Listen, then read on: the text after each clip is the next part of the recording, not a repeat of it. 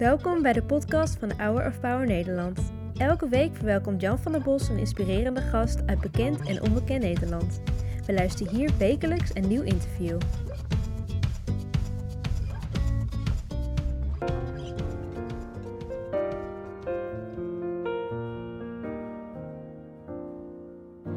Er zullen stormen zijn die niet wijken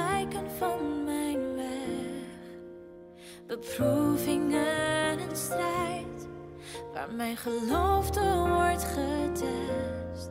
Maar wat ik weet over uw goedheid, uw genade die mij draagt.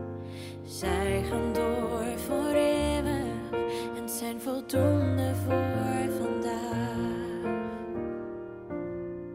Als ik mij druk maak over morgen, word ik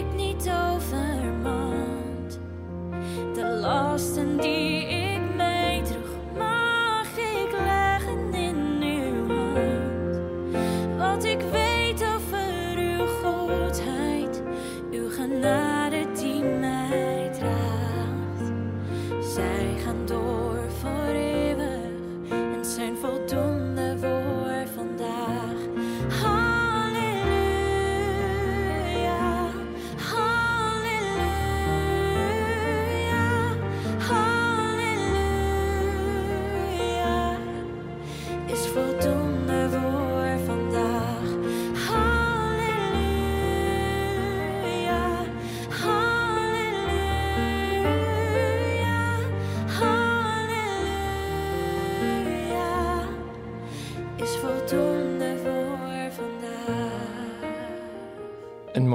hè? en, en daar zing je in voldoende voor vandaag. Wat, wat wil je met die boodschap overbrengen aan de jongeren van nu? dat eh, in alles we eigenlijk, eigenlijk alle antwoorden in God, bij God kunnen vinden. En dat Hij voldoende is en dat Hij meer dan genoeg is. Overal waar je kijkt kun je God wel vinden. In alles kun je hem wel vinden. En eh, ik denk dat ik hem wel heb gevonden, juist in de moeilijke tijden van het leven. Maar ook wel in de mooie dingen. Ik zie hem in een zonnestraal en ik zie hem in je glimlach. Ik denk dat als je God eenmaal hebt gevonden, hoef je ook niet verder te kijken. Is verder dat te echt zo? zoeken. Dat is echt zo. Dat, is voor jou een dat is voor mij een zekerheid. Ja. ja. Maar snap je ook die zoektocht van heel veel jongeren ook, die zeggen, ja, ik zou het wel willen, maar ik kan er niet bij. Hoe is die zoektocht bij jou gegaan? Nou, ik ben wel geboren in de kerk, Oh ja. bijna. Nee, want je ouders waren bijna. voorgangers. Ja. Mijn ouders waren voorgangers, die zijn, dat zijn ze nog steeds. Eh, ik ben opgegroeid in de kerk. En mijn ouders hebben mij God laten leren kennen. Ja. Eh, en toch heb ik mijn eigen zoektocht eh, meegemaakt met hem. ja. Ik was wel gewoon een heel eh, verlegen kind. Ehm, ik deed wel alles volgens de regeltjes. Waar werd het moeilijk voor je? Toen ik eigenlijk alle regeltjes losliet. En op zoek ging naar, ja, waarvoor ben ik gemaakt? Waarvoor ben ik op deze aardbodem? En toen werd het even moeilijk, want dan moet je de regeltjes loslaten en op zoek gaan naar wie jij bent. Ja. En naar waar God is. En wie God voor jou is. En eh, dat gaat niet heel makkelijk soms. Maar wa- wat ik me kan voorstellen, hè, als je elke zondag in de kerk zit en door de week ook nog betrokken bent. Toen je, je was al zes toen je ging zingen in de kerk. Ja, dat klopt. En dan weet je eigenlijk alles al. En dan is het toch gek dat je weer opnieuw moet gaan zoeken. Nou, dat denk je. Eh, weten betekent niet leven of beleven. Weten is niet hetzelfde als kennen. Of God leren kennen in een relatie. Maar over God horen is ook niet hetzelfde als Hem ervaren. Dus het, het, het, is, het zijn twee hele verschillende dingen. Over God horen, iedereen, ik denk dat iedereen wel eens over Jezus heeft gehoord dat hij aan het kruis is gestorven. Maar ik denk dat als je het gaat beleven dat hij voor jou aan het kruis is gestorven, wordt het een heel ander verhaal Hoe beleef jij dat? dat ik mag leven uit genade en door genade. En dat het niet door mijn eigen kunnen of door mijn eigen werken is dat ik gered ben, maar door wat hij heeft gedaan voor mij. Dus eh, ik maak fouten en die zal ik maken totdat ik eh, in mijn graf lig. Maar dat je mag weten dat hij al je fouten al op zich heeft genomen en eigenlijk nog steeds evenveel van je houdt. En ja, daar vind ik heel veel genade in. Ja. Bobby staat zo meteen eh, in zijn preek eh, aan de voet van de Tempelberg, niet ver van de plaats waar Jezus gekruisigd is. Eh, dat kruis is voor heel veel jongeren ook onbegrijpelijk, want waarom moest Jezus dan sterven? Kun je dat uitleggen? Als vragen mag. Nou, ik denk dat hij. eh, dat hij wist dat wij het niet zelf konden doen. We were doomed, in het Engels zeg je dat. Ja. En er geen andere uitweg was dan dat hij aan ons liet zien dat hij het wel kon en het voor ons wilde doen. Ehm, wij denken heel vaak dat we het zelf kunnen, uit onze eigen kracht. Ehm, maar hij weet beter dat we dat natuurlijk niet kunnen. En eh, ik vind het mooi dat, ondanks dat hij wist, of dat hij weet dat wij denken dat we het kunnen, dat hij zegt van nee, maar ik ga het voor je doen. Ja. Je hoeft het niet zelf te doen, ik wil het voor je doen. Ja. Je ouders die eisten of vroegen, of misschien heb je het zo gevoeld, een, een zekere mate van perfectie van je. Is dat niet heel moeilijk? Nee, ik denk dat ehm, ouders je opvoeden in waar je goed in bent. En ik ben alleen maar blij dat mijn ouders ehm, in me hebben gegoten of in me hebben, ja, aan me hebben gegeven wat ze wisten. En wat ze zagen waar ik goed in was of waar, waar ik voor gemaakt was. Want blijkbaar zagen zij het eerst voordat ik er überhaupt in geloofde. Waar kwam het moment dat je dacht van, ja, en nu wil ik echt eh, eh, als zangleider in de kerk zorgen dat wat we zingen en de muziek die gemaakt wordt het aller, allermooiste is? Wat maakt zingen zo bijzonder voor je? Het is een hele mooie manier om je te kunnen uiten. Waar ik eigenlijk God wel heel intiem en heel intens kan vinden en ervaren. Komt heel dichtbij. Waar ik wel naar streef is dat het wel puur is en dat het echt is. En dat het wel echt uit het hart komt. Of dat het hart raakt. Mijn droom is om mensen ehm, dichter naar het hart van God te brengen. Ja. Ehm, door middel van zang en muziek. Ja. Je schrijft je liedjes zelf, of veel liedjes schrijf je Ik zelf. schrijf veel liedjes. zelf, Ja. ja. We gaan zo meteen naar een van je liedjes luisteren. Hoe, hoe worden die liedjes geboren? Die liedjes worden op verschillende momenten geboren. Soms als ik door moeilijke tijden heen ga. Soms eh, als ik s'nachts wakker lig. Maar soms ook gewoon wanneer ik buiten wandel en, eh, en gewoon een hele goede tijd heb. Dan, eh, het, elk lied wordt gewoon uit een andere, ander moment geboren. Je gitarist Erik Leidermeijer gaat je zo meteen begeleiden bij een lied dat heb je geschreven voor het Adam-project. Wat, wat is dat? Het Ademproject is een groep jongeren of mensen met een hart voor muziek en zang. Die eh Filemon Perutte toen der tijd bij elkaar heeft gebracht. ehm, met als doel om liedjes te schrijven die jongeren kunnen raken op elk moment van hun leven.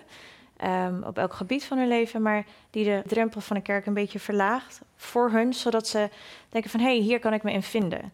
We krijgen heel vaak berichten binnen van jongeren die zeggen zo, dit lied heeft me echt geraakt. En ehm, dit lied heeft me echt geholpen door een moeilijke tijd heen. Mooi hoor. Ja. Erik Leidermeijer staat hier klaar, dat is jouw vaste gitarist. Jullie gaan samen een liedje spelen en zingen. Hoe heet dat? Het lied heet Altijd Dichtbij. En waarom heb je dat geschreven? Nou, dat heb Met die titel. We hebben hem samen geschreven met eh, het Ademproject. Ik heb het samen met hun geschreven.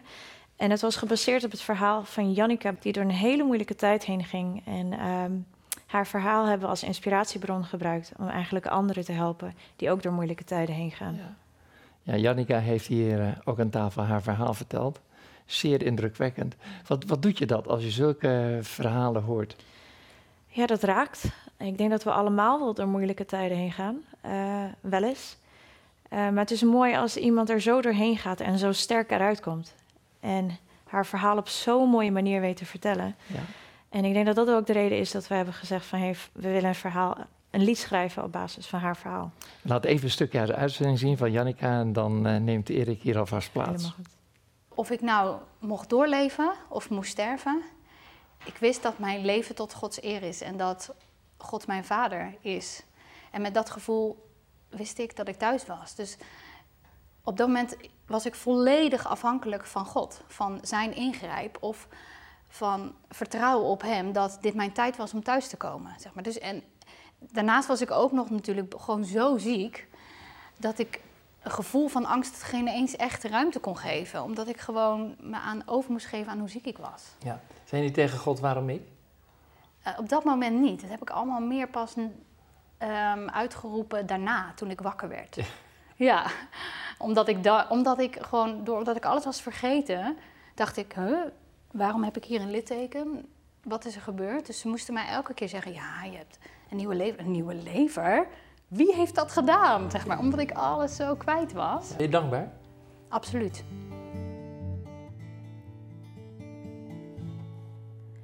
Aan het einde van mijzelf is het moment waar u begint. Hier bij u vindt. ik. In de liefde die mij vindt. Genade vindt mij in het diepste.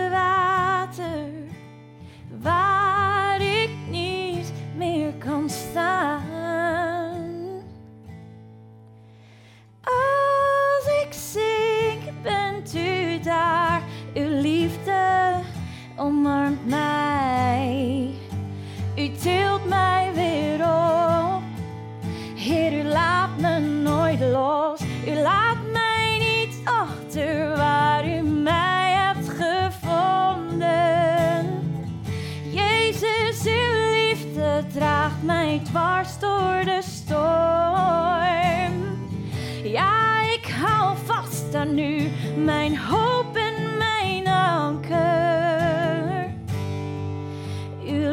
laat nooit los.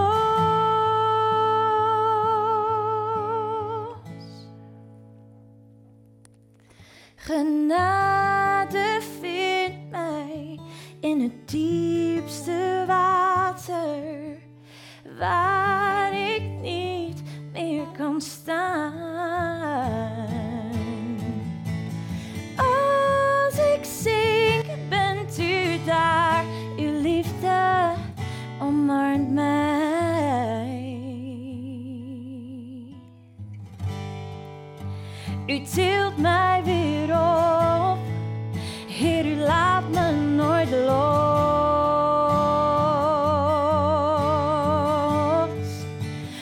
Laat me nooit los.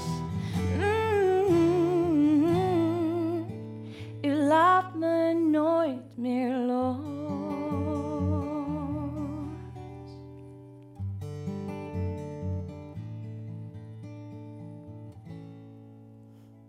Aan het einde van mezelf is het moment waar u begint. Wat het voor mij betekent is dat op het moment dat wij los kunnen laten en eh, God de regie in handen kunnen geven, dat Hij ook echt eh, kan doen wat Hij wil doen en kan doen. Ja. Want je denkt ook in het diepste water waar ik niet meer kan staan. Nou, dat was inderdaad gebaseerd op het verhaal van Jannica. Ehm, waar ze echt dacht van, hoe kom ik hieruit? Ik zie geen uitweg meer.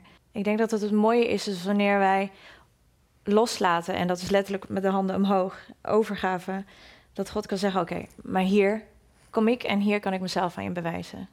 En nu neem ik het over. Vaderhart van God, hoe zie je dat? Ik ben zelf moeder en, en ik denk dat je het beste wilt voor en met je kinderen. En heel vaak zie ik mijn eigen kids bijvoorbeeld struggelen of eh, eh, iets zelf proberen op te lossen. En ik denk, ja, ik kan het veel beter, maar ik denk, als ze me niet om hulp vragen, dan grijp ik niet in. Want soms wil je gewoon ook even zien van, wat, wat doe je? Ja. En waar gaat dit naartoe? Eh tot op het punt dat ze zeggen, mam, wil je me helpen? Dan zeg ik, nou, nou, tuurlijk. Ja. En ik denk dat God ook zo naar ons kijkt, dat hij zegt van, nou, mijn handen zijn uitgestrekt naar jou, maar jij moet mijn hand vastpakken. Dankjewel voor dit eh, mooie gesprek, voor wie je bent, wat je doet en de mooie liedjes die je schrijft. Ik geef je graag eh, de nieuwe agenda voor 2023. Je bent Dankjewel. geliefd, alsjeblieft. Heel erg bedankt. Het mooie bijbelteksten en een weekplanner. Nou, die hebben we ook gemaakt. Nee, dankjewel. Dan, dan blijf zingen en blijf Dankjewel. stralen. En Dankjewel. dankjewel voor wie je bent. Dankjewel, Jan. Bedankt voor het luisteren naar het interview van deze week. We hopen dat dit verhaal jou heeft bemoedigd. Wil je meer weten over Hour of Power of andere interviews bekijken? Ga dan naar www.hourofpower.nl